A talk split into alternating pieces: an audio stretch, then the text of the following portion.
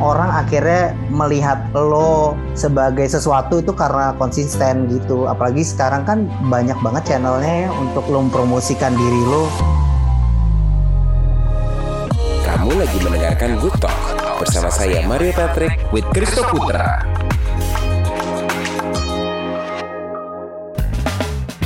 Hey good friends, kita kembali lagi di Good bersama saya Mario Patrick. Kita, wah satu minggu itu jadi waktu yang lama ya Sebelum kita akhirnya ketemu lagi Karena memang untuk mencari orang-orang yang bisa diajak ngobrol Itu memang harus satu pendalaman. Tapi Alhamdulillah gue harus bersyukur bahwa teman ngobrol gue yang satu ini Walaupun koneksinya itu deket banget ya karena gue bukan cuma kenal sama uh, adiknya gue kenal sama nyokapnya. Tapi sama dianya justru gue belum pernah ngobrol.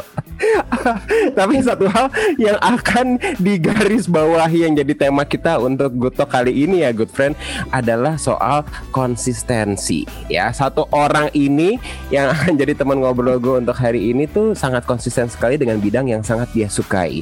Siapa sih? Nanti dulu. Jangan ke mana-mana tetap di Good Talk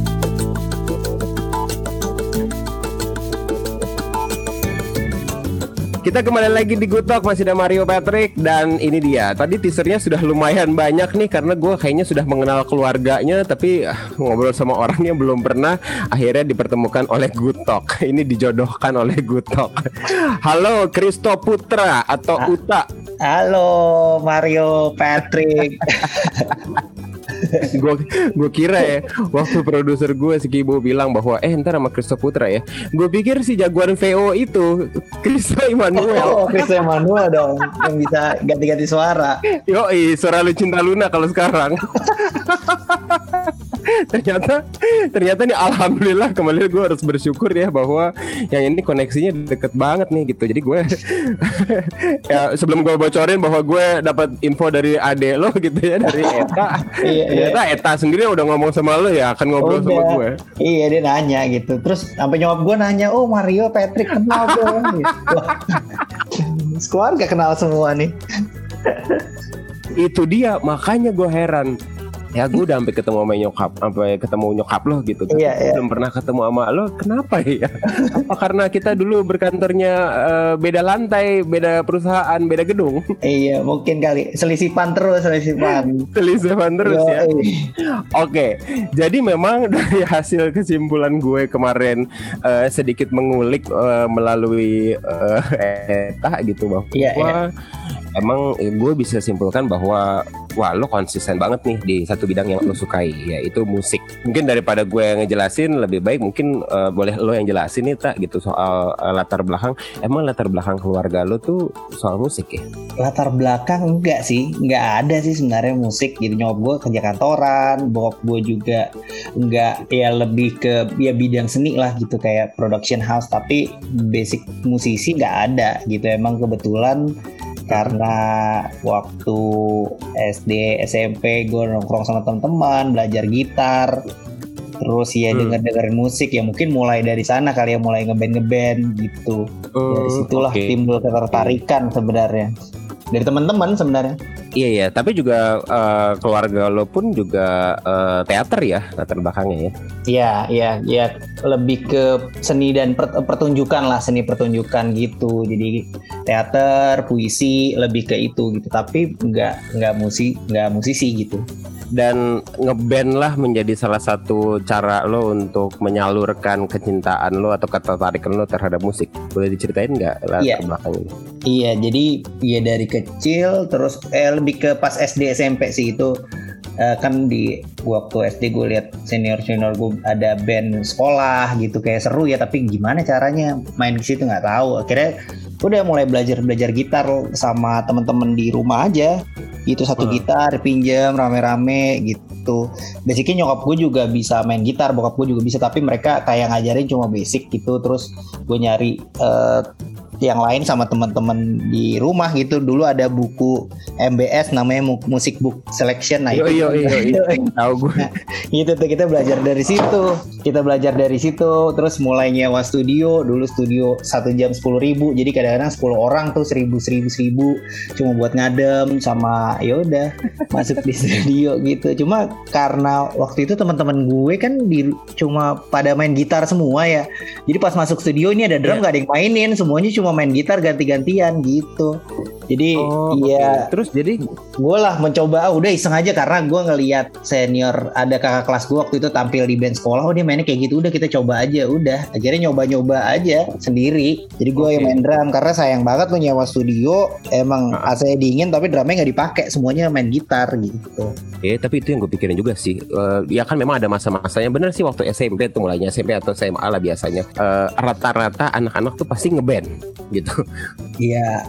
Pasti ngeband ya uh, dan memang yang paling laku tuh ya gitaris, terus kedua basis gitu. Iya, iya, iya. Kalau iya. lo pede ya jadi vokalis gitu. Tapi di drum tuh kan nggak tahu ya karena mungkin selama ini uh, berapa banyak sih figur drummer yang memang akhirnya bisa bawa namanya sendiri gitu kayak kalau kita nyebut si siapa Dave Grohl pun juga ya dia kan setelah dia punya Foo Fighters gitu ya dia yes. dia jadi frontman gitu Benar. barulah orang tahu oh dia tuh uh, drummernya Nirvana gitu padahal Nirvana cuma tiga orang anyway ini ketahuan banget nih usianya nih ngomongin Nirvana nih iya, iya.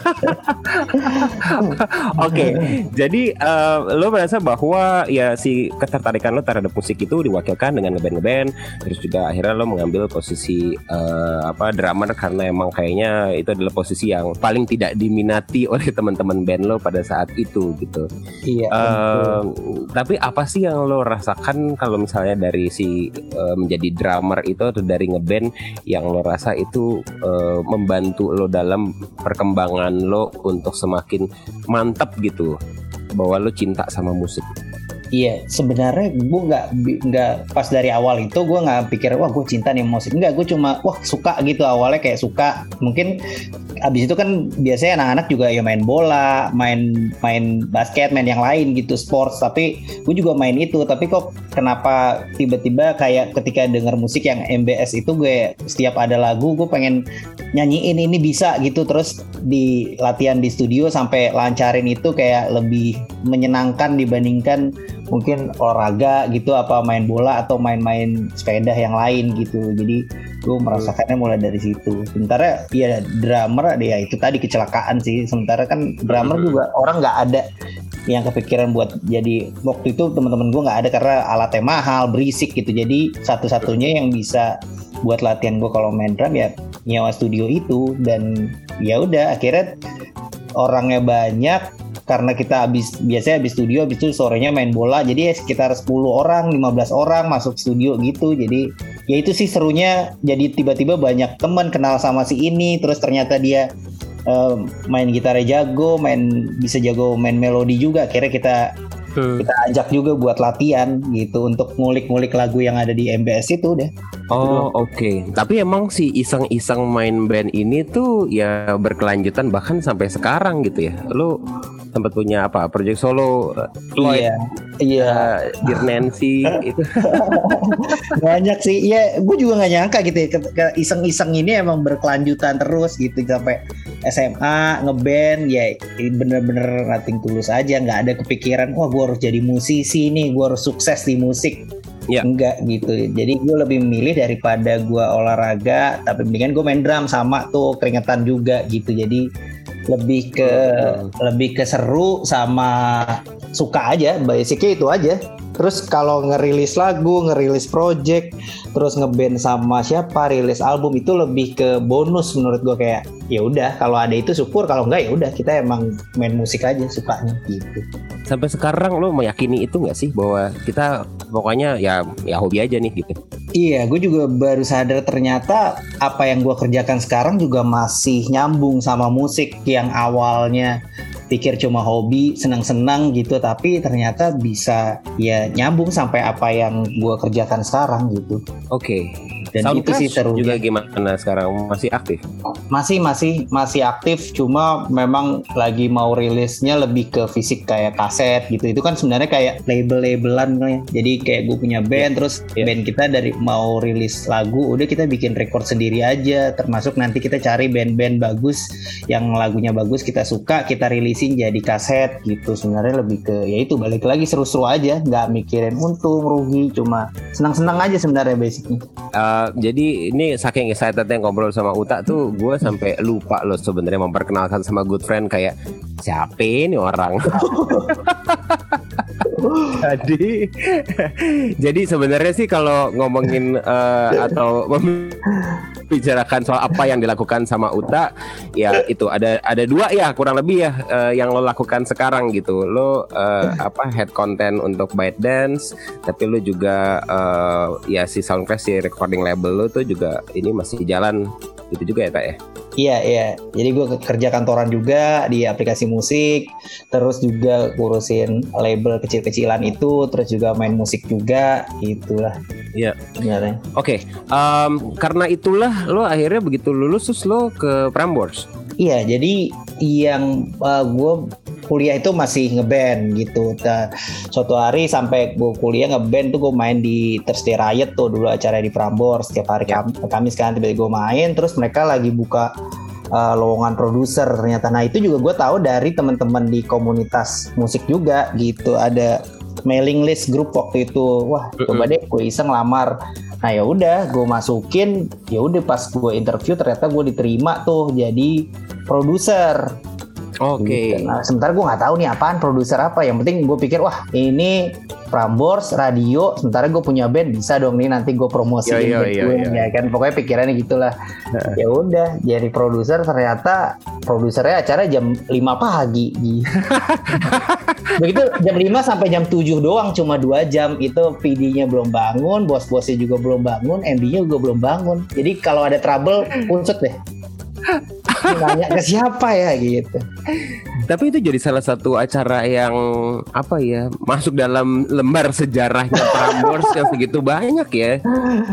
Iya seru sih karena pada akhirnya ya gue kan waktu itu sama Panda, gue belum pernah kenal sama sekali dan dia juga ternyata semangat banget ngejalanin acara itu dan kita emang bener cuma berdua satu host satu produser gitu dan kalau ditanya lu bisa apa tak? Gue bisa ngapain ya? Gue cuma bisa main gitar deh. Ya udah akhirnya udah kita bikin konten-konten yang relate sama musik juga di situ. Dan ternyata banyak yang waktu itu pendengarnya emang targetnya anak, -anak SMA gitu ya udah. Uh, mereka suka. Dan gue juga quote unquote memanfaatkan anak-anak SMA itu karena gue pikir wah mereka punya pensi nih nanti band gue bakal bisa main gitu. Jadi jadi dengan pendengar itu nomornya gue catetin, gue bikinin grup, gue ajakin ngobrol, eh lo punya pensi nggak, lo punya Sweet Seventeen gak gitu. Gue ada nih band, nah kayak gitu sebenarnya tujuan gue itu pada akhirnya.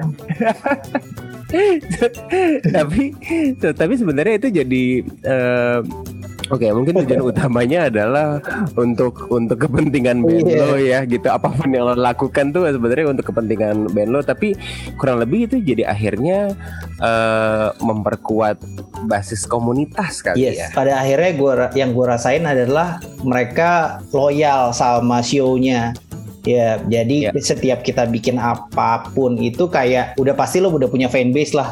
Dulu kan zamannya SMS lah, jadi ibarat kuis atau apa udah pasti nyari caller pada akhirnya akan lebih gampang. Terus lo bikin sesuatu itu pasti ada yang dengerin gitu. Terus misalnya mereka eh bantuin dong untuk uh, eh, SMS ke sini sini. Oh iya, mereka akan willing untuk ngebantuin kita juga gitu. Dan akhirnya ya udah sampai sekarang bahkan gue masih ada yang berapa in, in touch sama beberapa kaula muda saat itu gitu. Gitu. Itu ngomong kayak ini udah kayak terjadi 20-an tahun ya lalu. Enggak baru satu tahun lah kira-kira tahun kemarin. Lo nyebut SMS aja. Oh, iya. Beda oh, banget iya. tuh. Aduh. Udah zaman iMessage sekarang WhatsApp. Oh, iya, iya. Iya, iya Oke. Okay. Tapi emang lu saking semangatnya pun juga uh, ketika lu bikin band ya Gak tahu ya kalau gue bilang mungkin ini karena emang lo cinta sekali gitu sampai akhirnya bukan hanya soal si bermusik ya, ya tapi juga lo uh, ikut ikut apa ya belajar dan mempromosikannya melalui merchandise ataupun juga bikin lagu. Itu itu juga uh, apakah emang itu berangkat dari kecintaan lo atau eh gue pengen coba deh untuk lebih ngembangin lagi. Dan itu kan adalah ya cara lo untuk memarketingin si band lo itu. Gimana kan? Iya iya iya sebenarnya kalaupun kalau gue gue inget sekarang sekarang ya banyak banget sih yang gue dapetin ketika gue dengan bermusik itu ya.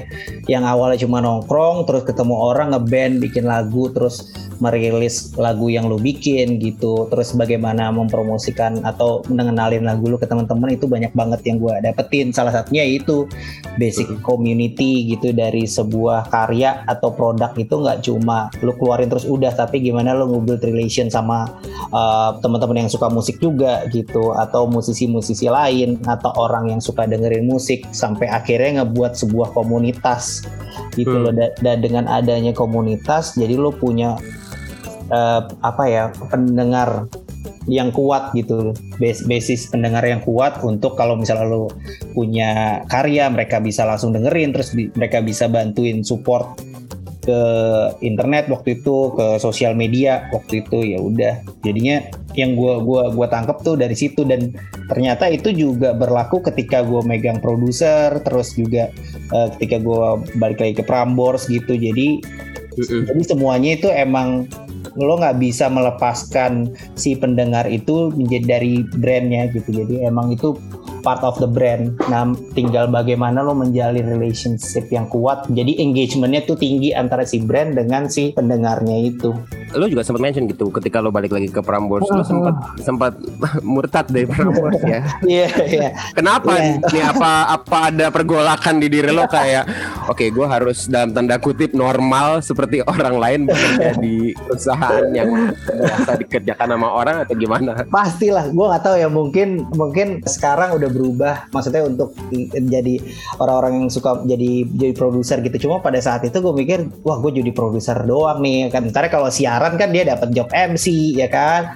Dia bisa dapat uh, mungkin job ya VO lah sebenarnya. Kalau produser gak mungkin kecuali udah mepet banget baru nih produsernya jadi take VO yang pemasukannya juga nggak seberapa itu gitu. Beda banget lah sama penyiar itu kastanya udah jauh banget gitu loh.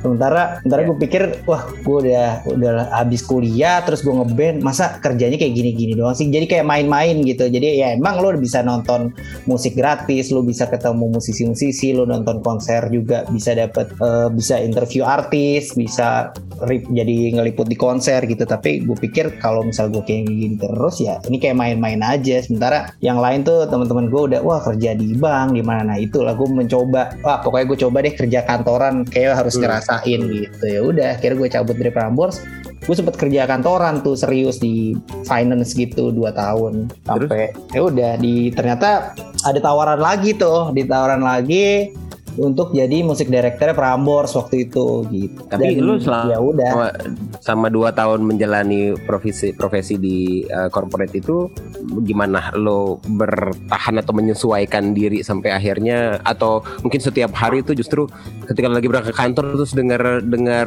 jinglenya Prambors gitu kayak itu adalah sebuah panggilan buat lo atau gimana?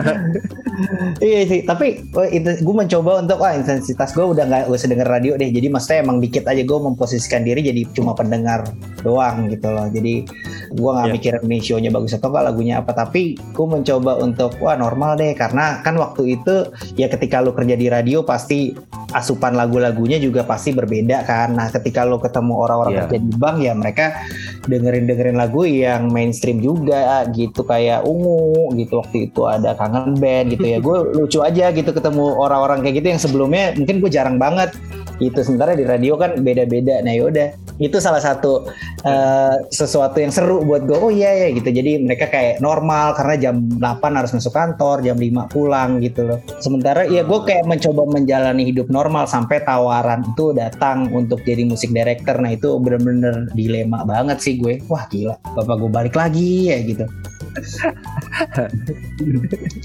iya iya. Karena follow beberapa music director tuh di Instagram tuh kalau setiap kali mereka posting lagu kayak siapa sih ini orang-orang iya. iya kan? Kayak wah paling musikal lah ceritanya gitu.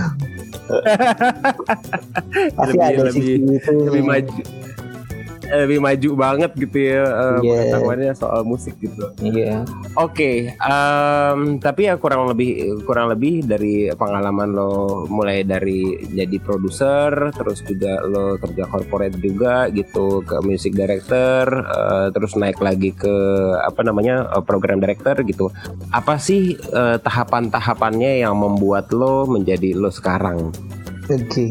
Nah, selama gue kerja corporate tadi, gue juga masih tetap ngeband. Jadi emang eh, weekend gitu, gue juga masih tetap ngeband, gue tetap manggung gitu. Jadi musiknya itu nggak hilang, nggak pure hilang gitu. Nah, ketika gue balik lagi ke Prambors, bukan cuma gue main musik doang, tapi gue berusaha gimana caranya gue kan waktu itu ya MD, lalu jadi program director gue eh, mem- apa ya di balik layar juga. Jadi musik ketika lo ngobrolin musik, oh lo suka musik, nah industrinya luas tuh. Lo bukan cuma jadi harus jadi musisi yang tampil atau jadi player juga, tapi ternyata di balik itu banyak banget orang-orang yang berjasa untuk memajukan industri musik gitu. Contohnya musik director atau misalnya Hmm. program director sebuah radio gitu atau eh, dia manajer band. Nah, itu banyak-banyak profesi-profesi di luar musik yang sebenarnya menarik banget untuk digali dan mungkin ada beberapa orang yang lebih cocok di situ gitu. Karena jujur kalau ngomongin gue, gue nggak nggak terlalu suka tuh sebenarnya manggung di depan orang gitu loh. Walaupun gue suka musik Hmm. gitu. Jadi kayaknya gue nggak bisa deh kalau jadi musisi harus tampil harus manggung gitu gue nggak terlalu suka di situ gue lebih suka ngurusin di balik layarnya ngurusin brandingnya ngurusin promosinya gitu I see, oke. Jadi emang perintilan-perintilan seperti itulah yang justru lebih lebih menarik lo dibanding tampil sebagai frontman gitu ya maksudnya. tuh gitu I see. Oke, kalau begitu. Ini jawabannya sudah lumayan panjang. Eh, kita akan masuk ke pertanyaan pamungkas seperti Oke. biasa. Kalau di Gutok, jadi jangan ke mana-mana ya good friend. Tetap di Gutok barengan sama Mario Patrick. Kamu lagi mendengarkan Gutok bersama saya Mario Patrick with Kristo Putra.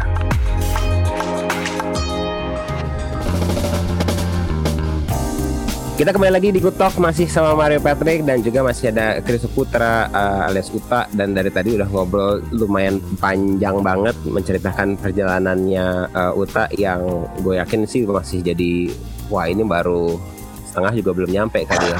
Gimana lo melihatnya ini perjalanan lo sekarang? Apakah lo merasa bahwa oke gue udah di tengah nih karena gue udah atau gue mungkin udah udah eh, reach ke level yang udah cukup tinggi karena gue udah banyak experience dan berusaha dan bergabung dengan eh, perusahaan-perusahaan yang besar dan juga dengan apa yang sudah gue usahakan gitu sampai sekarang sampai mana sih lo melihat kadar eh, kesuksesan lo gitu ya? Kalau kalau gue melihat sukses itu bukan sam- karena lo di hire perusahaan, lo kerja terus, wah lo digaji sekian sukses, tapi en- enggak gue nggak melihat itu gue lebih ke ketika semua yang pernah lo jalanin dan ilmu yang lo dapet, apakah lo sudah bisa membantu orang lain dengan ilmu lo itu? Menurut gue kalau lo sudah bisa membantu orang lain, menurut gue itu adalah hal yang sukses karena menurut gue Hmm. sukses itu adalah sesuatu yang dibagi gitu loh bukan di achieve untuk personal gitu jadi yang gue lakukan gue merasa yang gue lakukan sekarang belum banyak yang bisa gue lakukan untuk membantu musisi. Jadi kayaknya gue harus bekerja lebih keras lagi untuk bisa mensupport musisi-musisi baru musisi-musisi yang baru merintis karir atau uh, orang yang suka musik tapi mungkin mereka nggak tahu bisa jadi manajer atau bisa jadi orang-orang di balik layar. Itu juga ternyata bisa uh, sangat berguna juga bagi musisi. Itu sih kayak aku bisa membagi apa yang gue jalani dan ilmu gue untuk mereka-mereka itu gue baru menurut gue itu sukses gitu tapi so far belum menurut gue masih jauh ke tahap itu gue masih banyak perlu belajar gitu I see, oke. Berarti emang lo merasa bahwa lo pengen membagi ilmu lo nih supaya ya ini adalah bagian dari lo untuk bisa apa ya istilahnya ya. Aduh kalau bilang meneruskan tuh kayak tua banget gitu ya. kayak le- your legacy lah gitu bahasa Inggris aja deh biar biar kelihatannya kayak nggak tua banget. Final around. Oke, ini ini adalah pertanyaan pamungkas ya, pertanyaan uh, yang biasa emang kalau untuk di Gotok nih emang biasa kita tanyakan ini pertanyaan penutup gitu. Pamungkasnya nanya gitu nanti dia, enggak? Pamungkas tuh memang kalau di setiap episode ini selalu selalu bertanya, selalu dibahas. Okay. Oh, gitu ya.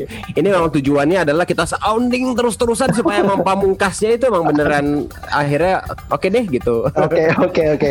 Gue gue VO deh buat bagian ini gitu kan lumayan ya. Atau bikin bikin jingle kan lumayan. Pertanyaan okay. pamungkas. Gitu. Pertanyaan pamungkas. Ini harus cari padanannya nih uh, Kibo ya buat pamungkas supaya nggak disebutin terus yang kesian nih. Oke, okay, kalau lo berada let's say bayangkan bahwa sekarang lo ada di jalanan yang bercabang dua nih ya, kanan dan kiri gitu. Iya. Kiri pasangan, kanan musik. Lo ambil kiri atau kanan? Kanan lah. Itu.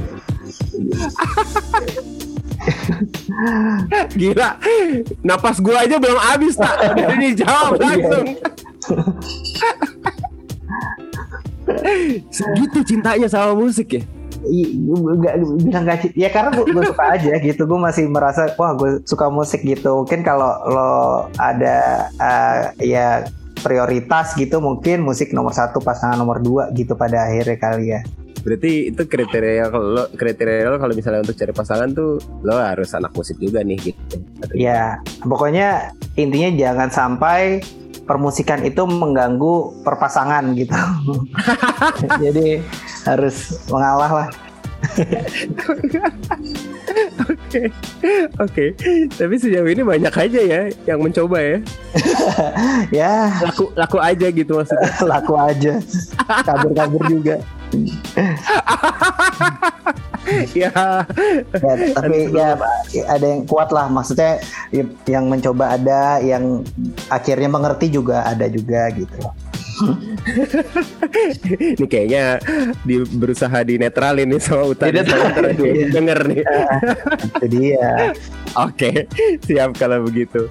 Gak apa-apa, tapi itu adalah bukti buat pasangan sekarang. Ya, ya, Ini ya. berarti ya lo ya. adalah orang yang konsisten gitu dalam menjalankan uh, sesuatu yang emang lo cintain banget gitu. Oke, kalau gitu. Uta, thank you so much untuk waktunya, untuk ngobrol-ngobrolnya, untuk sharing-sharingnya dan juga gue yakin ini menginspirasi banget nih uh, untuk good friend yang sedang mendengarkan untuk tetap konsisten gitu sama apa yang dicintai sama mereka apa pun itu nggak harus ya kalau ini kan contohnya mungkin dari segi musik gitu ya. Tapi tapi mungkin yeah. juga gue yakin uh, good friend juga punya contoh yang lain ataupun juga uh, kecintaan yang lain. Yeah. Oke, okay. thank you so much.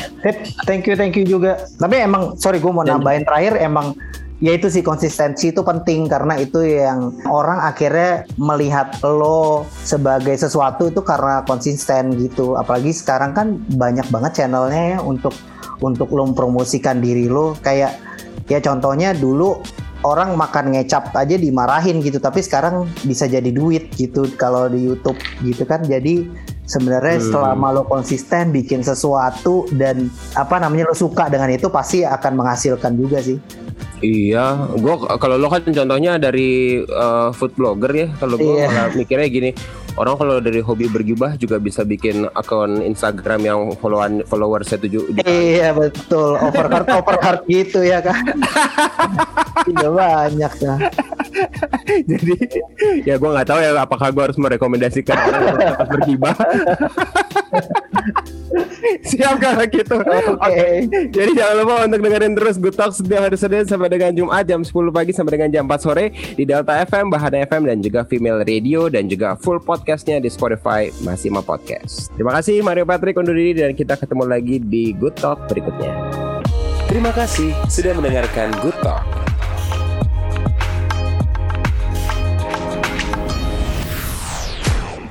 Untuk promosi ya kalau misalnya kita compare zaman era at least say 2000 2000 sampai 2010 gitu sampai sekarang gitu memang beda banget dulu tuh semua media promosi itu hanya melalui misalnya TV, radio gitu dan mailing list di email. Nah, penasaran kan good friend? Tungguin ya, cuma di Good Talk